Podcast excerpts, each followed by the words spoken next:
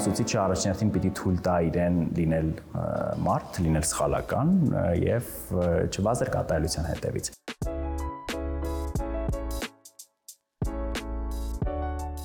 Դες պետք է բացական բաներ ասեմ։ Ես սովորել շատ եմ սիրում։ Ինձ համար կրթությունը ազատության մասին է առաջին հերթին։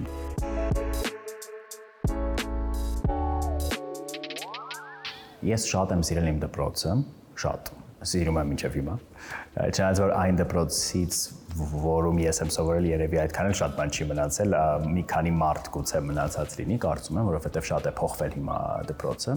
Վարգես Պետրոսյանի անվան 51 դպրոցն է Երևանի, անգլիական թեկումով։ Ինձ իմ դպրոցը շատ բան է տվել։ Առաջին հերթին դա ինձ համար եղել է միջավայր, որտեղ ես կարողացել եմ ինքնարտահայտվել եւ ինքնադրսևորվել։ Դա չափազանց կարեւոր է ժամանակակից աշխարհում, իսկ ժամանակին իմ ուսուցիչները ոչ բոլորը բնականաբար, բայց մեծ մասը այն ուսուցիչների, որոնք ինձ կյանքում պատահել են, թույլ են տվել լինել այնպեսին, ինչպեսին ես կամ։ Նույնը իհարկե գուցե չկարողանամ ասել դասընկերների մասին կամ միջավայրի մասին ընդհանրապես, որովհետև շատ հաճախ եթե դու մի քիչ տարբերվում ես ու հենց նույն ինքնադրսևորման առումով կամ քո կյանքի ուղենշվող այդ ժամանակ ճանապարհի առումով կան ինչ որ առանձնահատկություններ եւ տարբերություններ, դա կարող է ոչ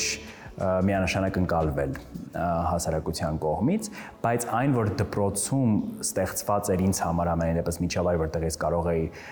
որպես անձ ձևավորվել նույն արվեստի միջոցով, ներկայացումների միջոցով, որոնք արվում էին եւ արտադասարանական միջավայրի միջոցով, որը մեզ համար ապահովում էր, դա փաստ է, դա ինձ շատ բան է տվել չսահմանափակելը իմ կյանքում, այդ տարիքում եւ ընտանիքում որպես մոտեցում եւ դրվածք եւ դպրոցում ոչ բոլորի կողմից կրկնում եմ, բայց այն անձանց կողմից, որոնք ինձ համար ժամանակին կարևոր են եղել, ուսուցիչները եղել է այդ կարևոր կարծում եմ ներդրումը, որ իրենք արել են իմ կյանքում եւ իմ զարգացման կամ կայացման ուղու վրա։ Ես ուսուցիչներ ունեցել եմ ամբողջ կյանքում, ոչ միայն դպրոցում եւ նաեւ դպրոցից դուրս դպրոցական տարիներին իմ ամենամեծ ուսուցիչները եղել են մարդիկ, որոնք և, մեծամասամբ արվեստի ոլորտում են եղել, իմ անամեծ ուսուցիչներից օրինակ Արթուր Գրիգորյանը, երջանկայի շատակ եւ լուսահոգի արդեն ցավոք իմ մեծ ուսուցիչներից է Հենրիկ Էդոյանը, ում ես հանդիպել եմ արդեն համասանական տարիներին եւ երբ գրականություն էի ուսանում, այսինքն ուսուցիչներ որպես այդպիսին, անգամ դպրոցական միջավայրից դուրս իմ կյանքում շատ-շատ են եղել ու ես սովորել շատ եմ սիրում ու բախտ եմ ունեցել, որ իմ կյանքում ինձ միշտ հանդիպել են ճիշտ մարդիկ։ Եվ իմ մեջ, օրինակ ուսուցչի ձևավորված կերպարը շատ հարգանքի արժանի ինչ որ կերպար է։ Դա երևի նաև ընտանիքից է գալիս մայրս դասախոս է, ես մեծացել եմ այդ միջավայրում, եւ ոչ միայն մայրս, մեր ընտանիքում ուսուցիչներ եւ դասախոսներ շատ կան։ Ես կարծում եմ, որ լավ ուսուցիչը առաջնորդին պիտի թույլ տա իրեն լինել մարդ, լինել սխալական եւ չվազեր կատարելության հետևից։ Եվ միշտ լինել ոչ թե սովորեցնողի դերում, այլ օգնողի, ճիշտ հմտություններ փոխանցողի, ասողի, որ լավ է, բայց այ օրինակ, եթե սա էլ բերենք առաջ կամ սա էլ կիրառենք, ուցե կարող է ավելի լավ լինել, հա։ Եվ շատ կարևոր է, որ լսարանում դու եւ որպես աշակերտ եւ որպես ուսուցիչ ունենաս ազատություն, որտեղ ինձ համար կրթությունը ազատության մասին է առաջին հերթին, չէ՞ որ մենք կրթվելով կարողանում ենք բացահայտել ինչ որ հորիզոններ, որոնք այլ կերպ անհնար էր կարծում եմ, անհնար կլիներ, եթե ուղակի փորձառություններ չլինեին մեր կյանքում, որոնք այսպես թե այնպես պատահելու են։ Իսկ կրթությունը մեզ օգնում է փորձառություններին պատրաստվել, գուցե պատրաստվել նաև փորձառությունների, որոնք երբեք չենք ունենալու, բայց հաստատ չի խանգարի։ Դա ամենաուղիղ ազդեցությունն է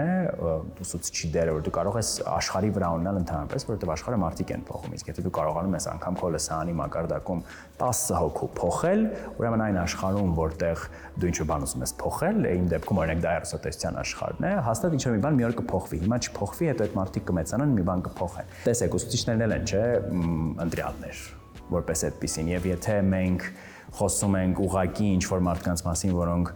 կյանքի եւ բախտի բերումով են դառնում ուսուցիչ, դա այլ կատեգորիա է։ Եթե մենք խոսում ենք մարդկանց մասին, որոնք իսկապես երազանք ունեն դառնալու այդ, հա, վերցնելու այդ առաքելությունը եւ դառնալու ուսուցիչներ, այդ մարդկանց պետք է իսկապես թևեր տալ, որտեղ դա կլինի մոդեռն, կլինի տրենդային դառնալ ուսուցիչ ոչ թե օրինակ կլինի դասավանդիր Հայաստանը եւ դու այդ մոդեռն, հա, վիճակը ուսուցչի կապրես 2 տարի եւ հետո նորից կկանգնես այդ ընտրության առաջ, օքեյ, ես հիմա ստացա 2 տարի այդ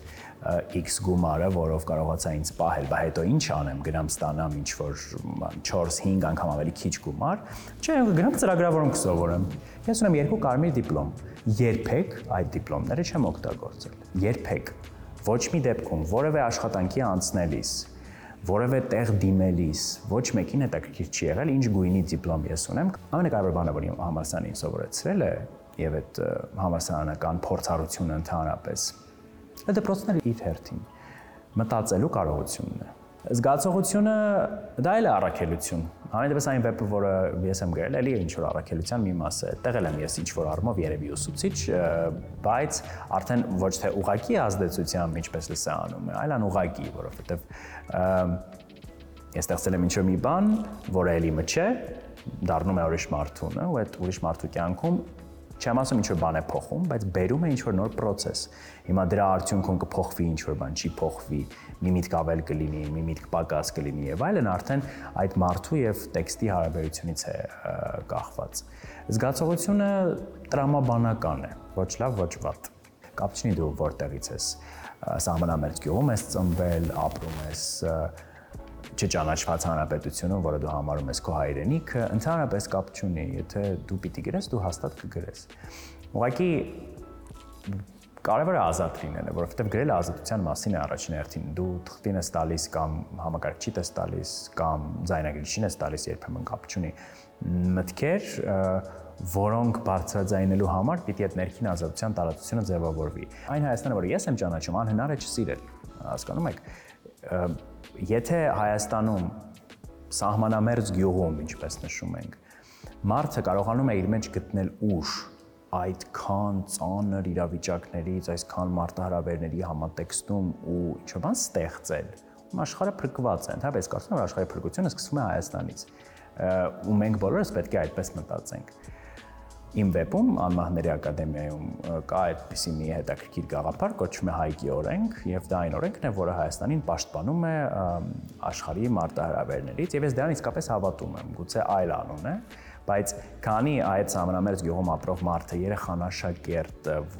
կա, որը ինչ որ մի բանի հավատում է եւ այդ ինչ որ մի բանի հավատալը հետո տալիս է առարկայական արդյունք, իսկ ես դա տեսել եմ, ուրեմն ամեն ինչ կորած չէ մեր երկրում։ Կրթվել հնարավոր է գրադարանում ժամերով նստելով։ Կրթվել հնարավոր չէ ուղակի, հանկարծակի եւ պատահաբար։ Կրթությունը աշխատանք է, որին մենք պիտի լինենք հակված։ Անկախ նրանից այդ հնարավորությունները մեզ տալիս է համալսարանը, երկիրը, համայնքը, թե չի տալիս, որովհետեւ եթե մենք ուզում ենք կրթվել,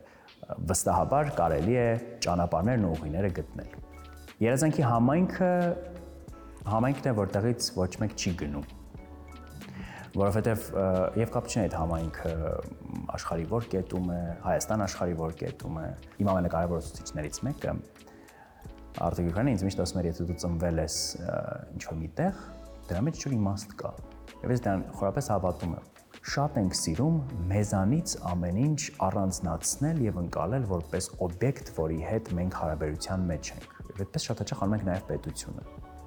Բայց պետությունը օբյեկտ չի, է, որին մենք ասում ենք դու մեր նկատմամբ վատ վարվեցիր, այ հիմա մենք կգնանք այստեղից կամ եւ այլն։ Ոչ, պետությունը եւս process է, որին մենք բոլորս մասնակցում ենք ամեն օր։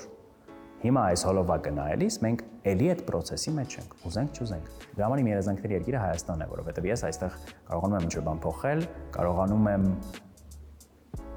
ինքնայրացվել, որը ամենակարևորն է։ Եվ այդ ինքնայրացման համար չեմ սպասում հնարավորություններ։ Ես դրանք փորձում եմ ստեղծել, փնտրել, գտնել եւ գնալ դրանց հետևից։